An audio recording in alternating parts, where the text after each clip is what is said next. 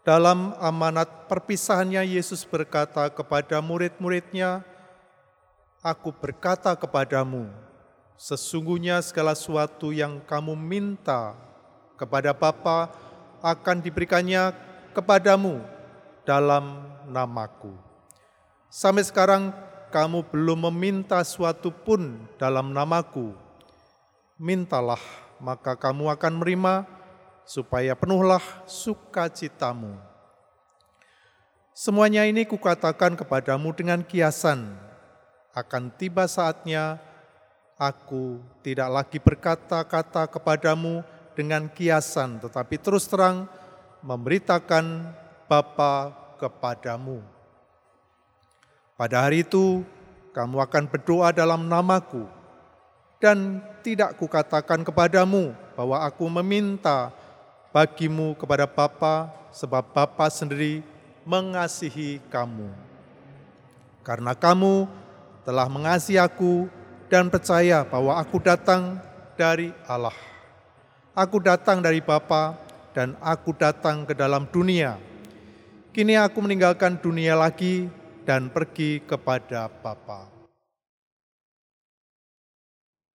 Saudara-saudara sekalian, hari-hari setelah Paskah kita dalam bacaan harian selalu diajak untuk mencermati membaca kisah para rasul. Kisah para rasul bagian dari Alkitab yang bagi saya menarik untuk selalu dibaca karena di sana ada begitu banyak orang yang terlibat tetapi kita melihat juga bagaimana jemaat-jemaat itu bertumbuh. Dan banyak orang yang disitakan dengan segala macam peran yang mereka sumbangkan bagi pertumbuhan gereja. Tentunya di atas semua peran orang-orang itu kita melihat bagaimana Roh Kudus sendiri yang dijanjikan Tuhan itu memimpin, membimbing mereka semua sehingga mereka senantiasa hatinya konsolasi, selalu berkobar-kobar untuk mewartakan Kristus yang bangkit. Kristus sebagai Tuhan. Maka hidup kita gereja saat ini sesungguhnya juga adalah melanjutkan kisah para rasul di zaman ini.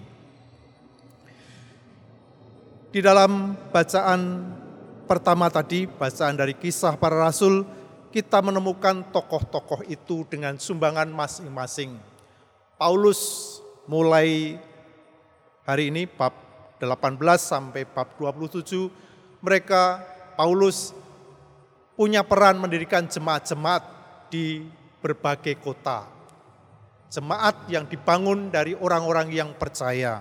Dan kita ketemu dengan tokoh-tokoh yang paling tidak tiga orang yang disebut yaitu Apolos, Priscilla, Aquila, sebagai orang-orang dengan peran bagaimana menumbuhkan jemaat ini dengan kemampuan mereka untuk mengajar. Maka dalam konteks kita hari ini memperingati ulang tahun gereja kita yang ke-72 kita sesungguhnya mengenang banyak orang dengan banyak peran yang mirip dengan apa yang dilakukan oleh tokoh-tokoh di dalam kisah para rasul. Misalnya, tokoh yang memulai pelayanan bagi umat paroki Tangerang, umat Tangerang yaitu Romo Yakobus van Lingut SY yang pada tahun 1948 diutus oleh Bapak Uskup Wilkins untuk berkarya di Tangerang. Dan kemudian karya itu membuahkan hasil yaitu baptisan pertama tanggal 20 Mei, 23 Mei 1948 dalam buku baptis kita menemukan nama Erik van Ameron sebagai baptisan pertama di gereja ini. Paroki sendiri baru berdiri tahun 1952, tetapi tonggak bagaimana jemaat di Tangerang itu dimulai yaitu sejak baptisan pertama tanggal 23 Mei 1948. Di dalam perkembangan kita mencatat bahwa gereja ini berubah-ubah nama. Pada tahun 1952 ketika diputuskan sebagai paroki Tangerang berdiri, di sana dicatat sebagai paroki Hati Maria Tak Bernoda. Gereja Hati Maria Tak Bernoda. Kalau kita membaca prasasti di samping itu pendirikan pendirian gereja gereja yang baru yang kita tempat ini di sana kemudian berubah nama menjadi Gereja Santa Maria saja. Dan kemudian pada tahun 1900 96 ditetapkan kemudian menjadi gereja hati Santa Perawan Maria tak bernoda.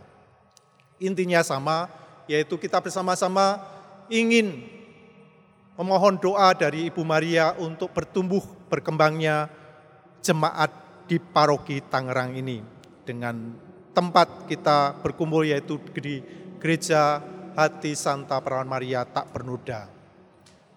Lebih dari itu tentunya kita mengharapkan Roh Kudus sendiri yang memimpin, membimbing kita, menyertai segala pergumulan kita, melanjutkan kisah para rasul di zaman ini.